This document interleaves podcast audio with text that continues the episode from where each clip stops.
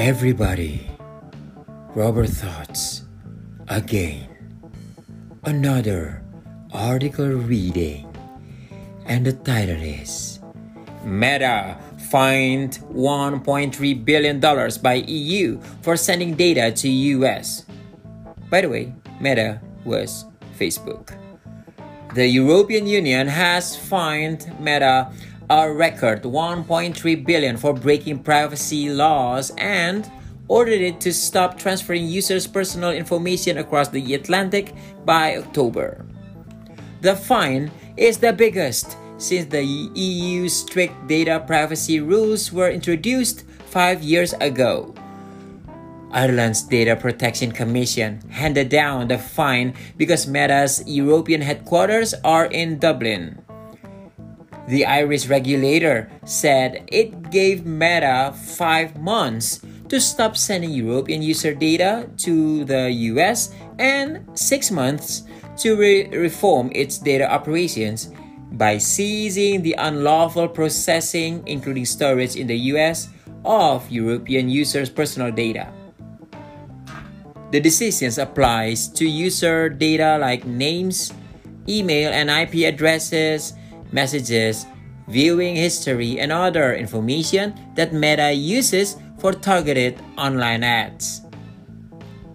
Meta, which had previously warned that services for European users could be cut off, promised to appeal the decision and said, There is no immediate disruption to Facebook in Europe.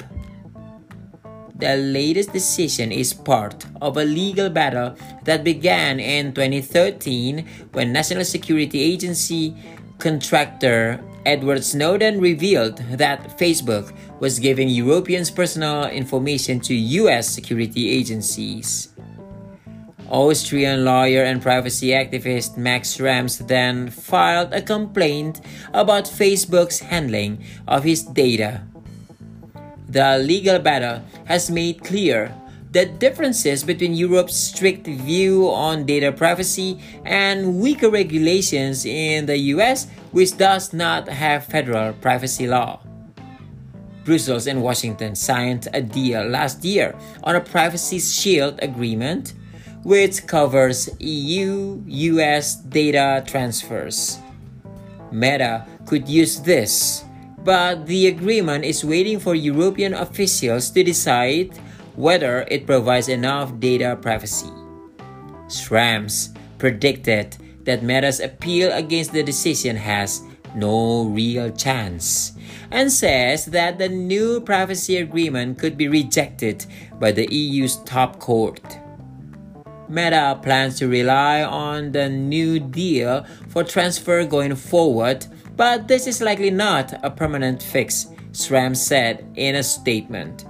Unless US surveillance laws get fixed, Meta will likely have to keep EU data in the EU. In the EU.